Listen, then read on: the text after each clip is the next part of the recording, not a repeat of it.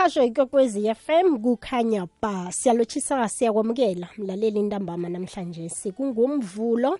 Siyathemba ukuthi impela vekokho ibe yihle. Mlaleli sikulochisa singena ngaphakathi kwehlelo lezifundo olethelwa yi-sabc education enriching minds enriching lives. Mina ngingu-tk induli unamgwezani.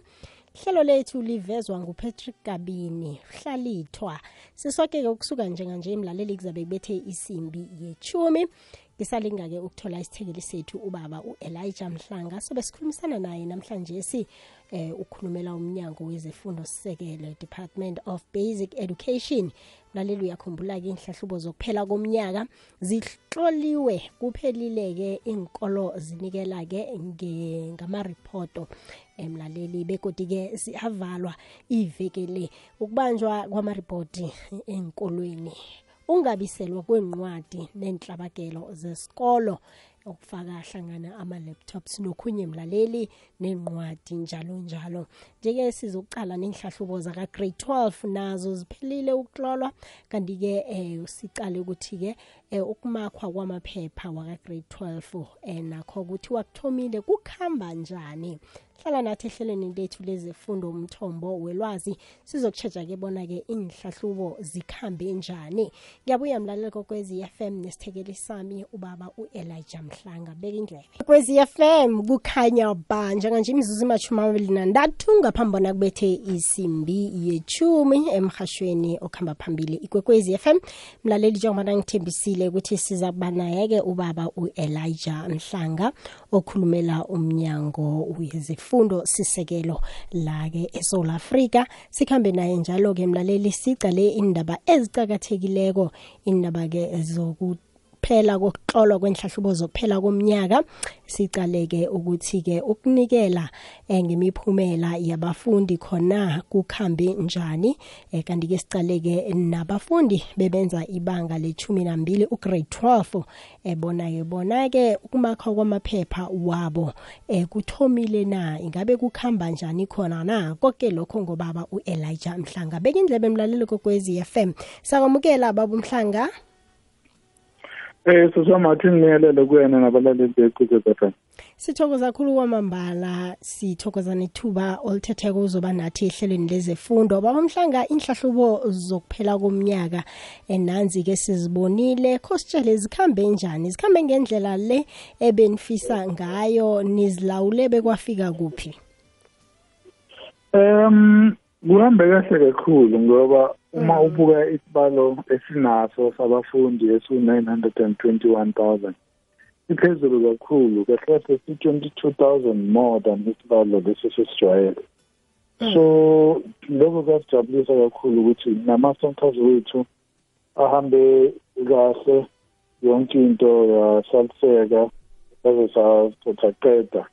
Eh ngoba sasithukile vele ukubuka nje ukuthi kuzoba khona isibalo esiphezulu and nalaba ababhalayo ilaba bebathikabeze yi-covid so kukhona nje okuningi lokhu bekucabanga ukuthi kuzokwenzeka wrong kodwa uma sibuka nje yonke into ihambe kahle and iyasijabulisa futhi. Yazwakala baba. Umhlanga singakangeni-ke ku-grade 12 iinkolo zinikele ngamaripoti kunalezo-ke ezibambe imiphumela yabafundi ngoba bangakalethi incwadi baba umhlanga nithini njengomnyango? Umthetho uthini? No umthetho awuvumi ukuthi kubanjwe i-report. Umthetho ithi uthi i-report kufanele inikezwe umntwana ngoba umntwana akuwona umsebenzi wakhe ukukhokha i-school fees. I-school fees umsebenzi womzali so umzali kufanele anze isiqiniseko sokuthi uyakhokha i-school fees. Ungangakwazi akhulume nesikole kodwa isikole naso sinomsebenzi wokuthi sinikeze umntwana i-report yakhe ngoba umntwana akasebenzi uyafunda. So kufanele isikole sikhiphe i-report simnikeze manje ngoba nangu umntwana akakatholi imiphumela yakhe yesikolo ekufanele enzeni-ke ukusuka la? No kufanele isikole sinikeze umntwana i-report. Umzali kufanele kube uyena esikoleni. Ayoziveza achaze ukuthi kwenze kanjani. Na kodwa into yokuqala kufanele yenze isikole ukuthi um kuyisona ukuthi sihambe i-report fanele simnikeze umntwana imiphumela yakhe azi ukuthi kwenzakalani ngaye. Uyaqhubeka noma akaqhubeki na. So akuyona into esemthethweni leyo ukuthi isikole sibambe report. Akuyona nje neza kufanele sisho leyo siphinde siyigcizelele ngoba minyaka yonke sidala sikhuluma ngayo lento ukuthi izikole zingakwenzi lokho Mm, mm.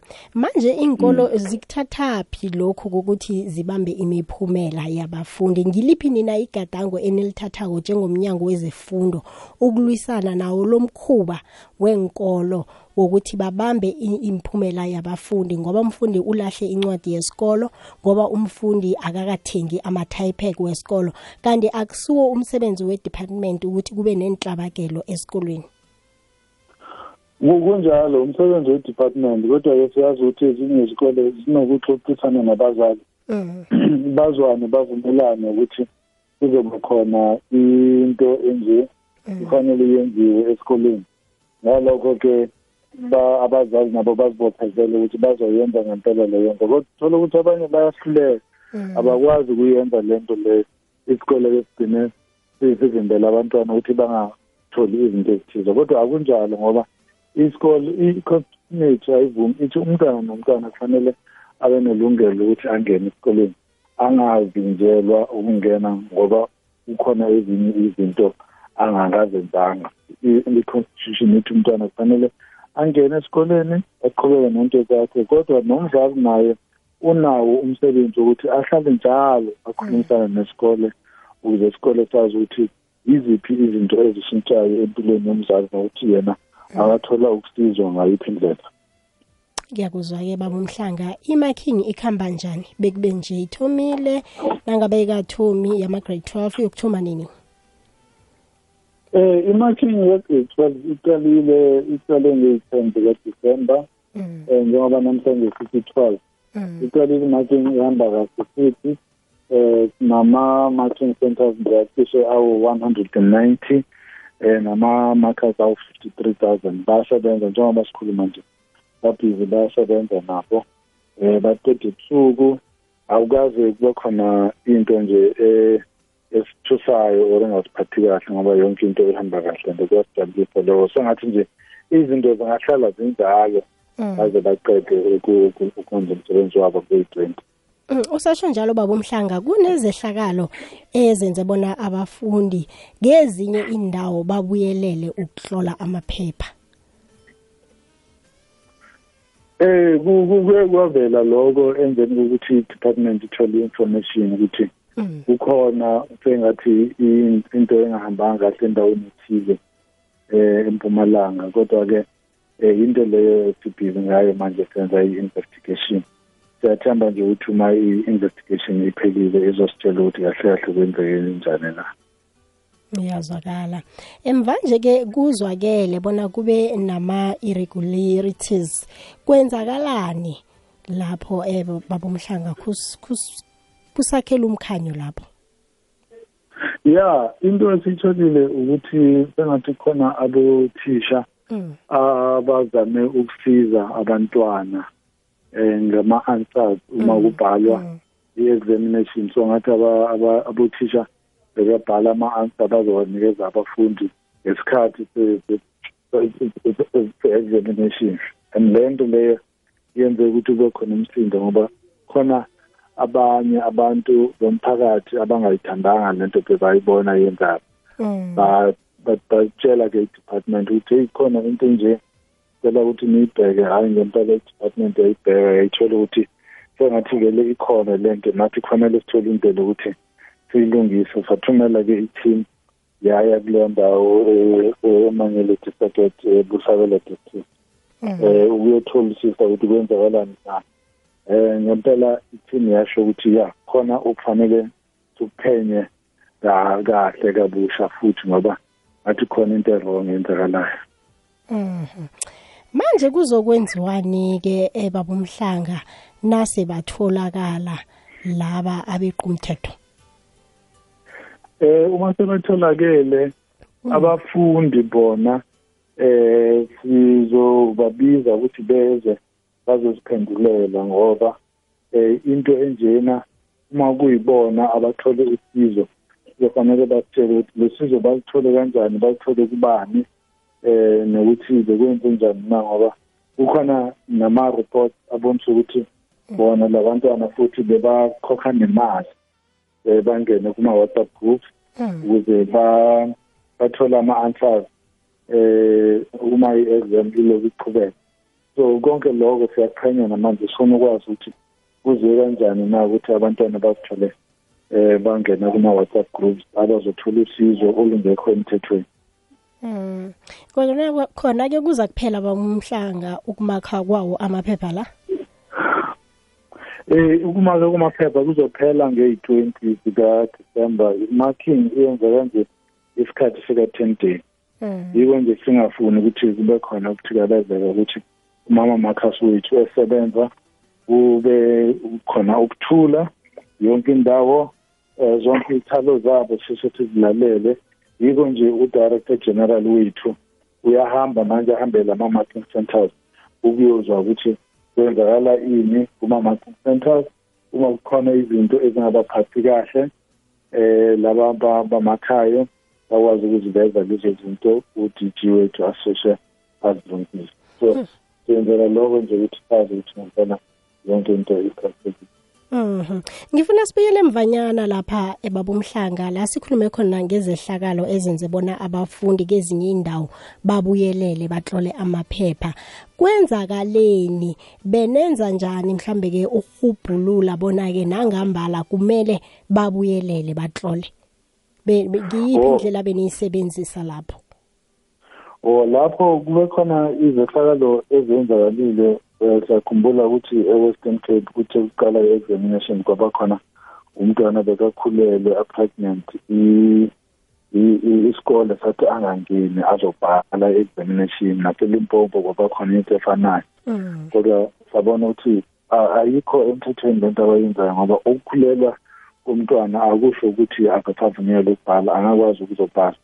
Kodwa siyakhumbula futhi ukuthi empumalanga ngasemalakeni ah umphakathi uye wabhikisa wenza i-strike action vala kumgwaqo u-N four. Wavala-ke ney'kole abafundi bangakwazi ukuyongena esikoleni zabo ezo-seven. Ngakho lokho abakwazanga ukubhala ama-subject wabo. Eh sabacelela-ke ukuthi kufanele bathole elinye ithuba lokuthi bazobhala leyo examinations lapho egauteng siyazi futhi ukuthi ngasethwathwa khona abantwana aba-fifty three abangakwazanga ukuyobhala i-examinations yabo ngoba uprincipal uthe bangazi bazobhala engayona into enhle leyo. So si- bonke labo siyenze ilungiselelo ukuthi babuye futhi bazobhala i-examination yabo bayibhale Benzani? Ba- nge- batlola elinye iphepha ba- babumhlanga nanyana batlola lona lela. ya isebenza kanjalo lento ukuthi uma sebazobhala bathole elinye iphepha asikwazi ukuthi babhale babhale iphepha elifanayo ngoba bazosuka sebazi ukuthi bekwenzakaleni so Mm. sicala sinama-backup question papers Wow. esiwasebenzisayo uma kukhona isimo esinje yazwakala. Ngizokubawa baba umhlanga ungibambile njalo. Khe siyokuthengisa sizobuya siragele phambili. Mlalele kokwezi FM nosanduvulela umhatsho siyakwamukela siyakulotshisa ihlelo lethu lezefundo olethelwa yi-SABC Education Enriching Minds Enriching Lives.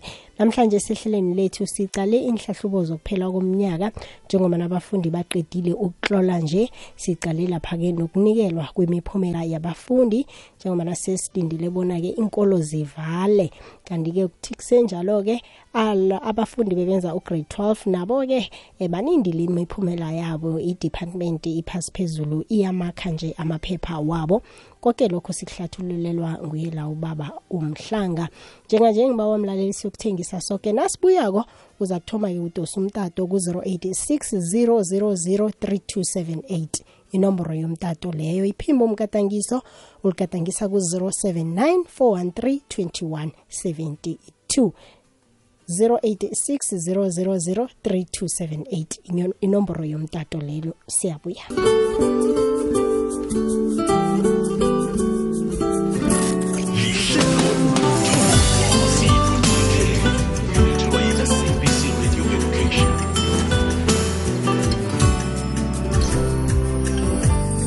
likhomba kwaphela imizuzu eseleko ngaphambi bona kubethe isimbi yechumi. Khumbula ngesimbi yechumi siyalivala ihlelo lethu lezifundo umthombo welwazi. Emva kwalokho umakhuthalelo ezimfaneleko umindlu love uragela phambili nehlelo sizigedlile kuzabe kuyokubetha isimbi yechumi nambili njenganje sisesesoke emlalelo kokwezi FM ngaphakathi kwehlelo lethu.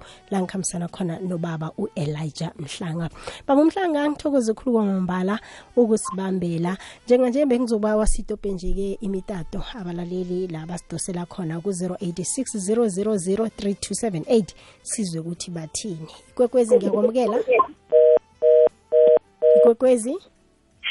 Alright usilahlekele. Baba umhlanga khe sicaleke bona-ke imiphumela yona izokhutshwa nini? Naniqalile kunje. Eh imiphumela ungqongqoshe uzoyenza i-announcement nge-19 zikajanuwari kodwa-ke abafundi bona kuzofanele baye esikoleni sabo lababhale khona ama-examinations bayofuna imiphumela yabo ngeyi-20 zikajanuwari Mhm. Nihlala nifuna abafundi abenza imfundo zama-science. Ama-statistics wabantwana abatlolileko unawo babumhlanga bona ke bangene kangangani kiwo umkhakha lo we-science?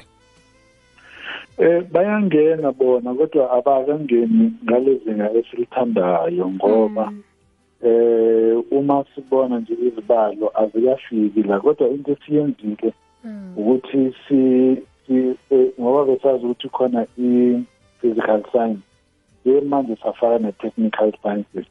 U-maths besine maths pure maths maths literacy manje sifake i-technical maths. So senza ukuthi lama-subjects wangeze ukuze kube manje khona manje ama-subject awu-seventeen amasha esiwalethile ku-curriculum ngoba sifuna ukuthi abafundi bethu uma bangena esikoleni bayithole i-subject abayifunayo abayithandayo. So yiloko esikwenzayo. Kodwa kufanele sikhulume nabazali sikhulume futhi nezikole ukuthi batshela abafundi ukuthi bazithathe le-subject lezo ngoba zikhona zizobasiza futhi empilweni zabo uma sebafuna ukudlulela phambili emveni kokuthi baphume ku-matric. Mhm. Manje-ke baba umhlanga labo abazophumelela vane kube khona-ke enibanikela khona.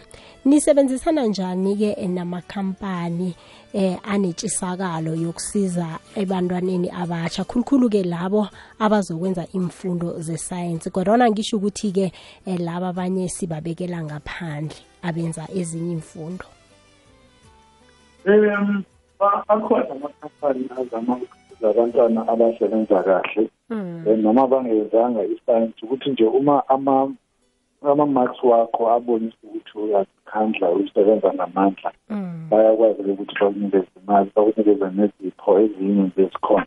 Njengoba sikhuluma nje akhona ama-companies vele besiwahlukile basitshela ukuthi labo abazophumelela labo uminister azobamema ukuthi babe naye nge-nineteen zikajanuwari kuzoba khona abakutholayo. Abanye bathola amabhasari ikhokhela zonke izinto abanye bathola amakhompyutha amafoni amaprinter kube njalo nje konke lokho bakwenzela ukuthi babe khona i-encouragement yokuthi uma uzosebenza ngamandla kukhona izinto ezinhle ezizokulandela nawo Mhm. Sesizoyivala-ke mlaleli kokwezi FM emzuzwini nje le emine esisele nayo. Ungasidosela nangabe unombuzo nanyana umbono ngendaba esiphethe kule 086 0003278 akhe sibadobhe baba umhlanga siyakwamukela kukwekwezi mlaleli yeche Ah njani sesiphikeni baba umhlanga? Siyavuka baba kunjani? Ah siyavuka. Ngiyamiza ubaba umhlanga mani nami nginenkinga ukuthi abantwana bami namhlanje bathe bokuthatha ama-report bese kwathola ukuthi short ama-textbook ayi-two and then-ke zange bakhona ukuthi bangabanikela ama-report bathi babalele ngabe ne-next year baya ku-gre baya ku-secondary yabona? Mm, manje njengomzali. abazi ukuthi abazi ukuthi bajame phi Mm, njengomzali mhlambe wenzeni? Uyile esikolweni nanyana njani? Okay sincancabeze nokho. Usilahlekele bengithi nje mm, baba umhlanga ngimbuza ukuthi wenzeni uyile ngesikolweni wayokhuluma nabafundisi nanyana njani na? Njengoba nangikuzwile ukhuthaza ukuthi ababelethi abaye ngenkolweni bayokhulumisana nabafundisi. Ngikuphi mhlawumbe angakwenza? Mhlawumbe akasisekhaya nje eh, baba umhlanga. Abanye ababelethi bayasebenza basendaweni ezikude njalo njalo. Ya kunjalo kufanele baye esikoleni ngoba lento isikole siyishoyo sokuthi uma umntwana anga- angalethanga i-textbook akayitholi ireport. Kusuka kuyi-message lo kuwumlayezo ukuthi abazali bonke kufanele bakhulume nabantwana babo. Ukuthi uma uphiwe i-textbook uyisebenzise kahle ngoba uma unyaka uphela kufanele uyibuyisele emuva leyo textbook akuyona yakho uyayisebenzisa nje kuphela. Kodwa uma unyaka nawo seuzodlula kufanele uyibuyisele esikoleni ukuze nabo abanye bakwazi futhi ukuyisebenzisa baqhubeke bayise phambili. So kufanele leyo nto leyo sihlale siyazi ukuthi um injalo nje akuyona into ophiwa yona bakuboleka nje ukuthi uyisebenzise. Kodwa manje into ongayisho ukuthi kulo mzali kufanele aye esikoleni ayobuza ukuthi kwenzeke njani nokuthi yiphi yena into angayenza ukuze umntwana wakhe athole i-report yakhe. Baba umhlanga sithokoze khulu kwamambala eh ukusipha yonke ihlathululo ngesihloko ebesisiphethe ube nobusuku obuhle. Akunjalo nakwena sesi ahake ngithokoze. Mlalele kokwezi FM sekwala sona isikhathi. Incinca bezikhulu-ke eh, nawusadosako. Nokho-ke ihlelo lethu lezefundo elizaqobe ngomvulo nayimachumi amathathu imzuzu ngemva kwesimbi yethoba. Bekubumbane isimbi yechumi. Njenganje-ke ngitshidela umakhuthalelo ezimfaneleko umindlo love ngehlelo sizigedlile kuzabe kubethe isimbi yechumi nambili. Mina nawe sihlangana kusasa ehlelweni lezefundo e-commerce and finance. Ngikhambile.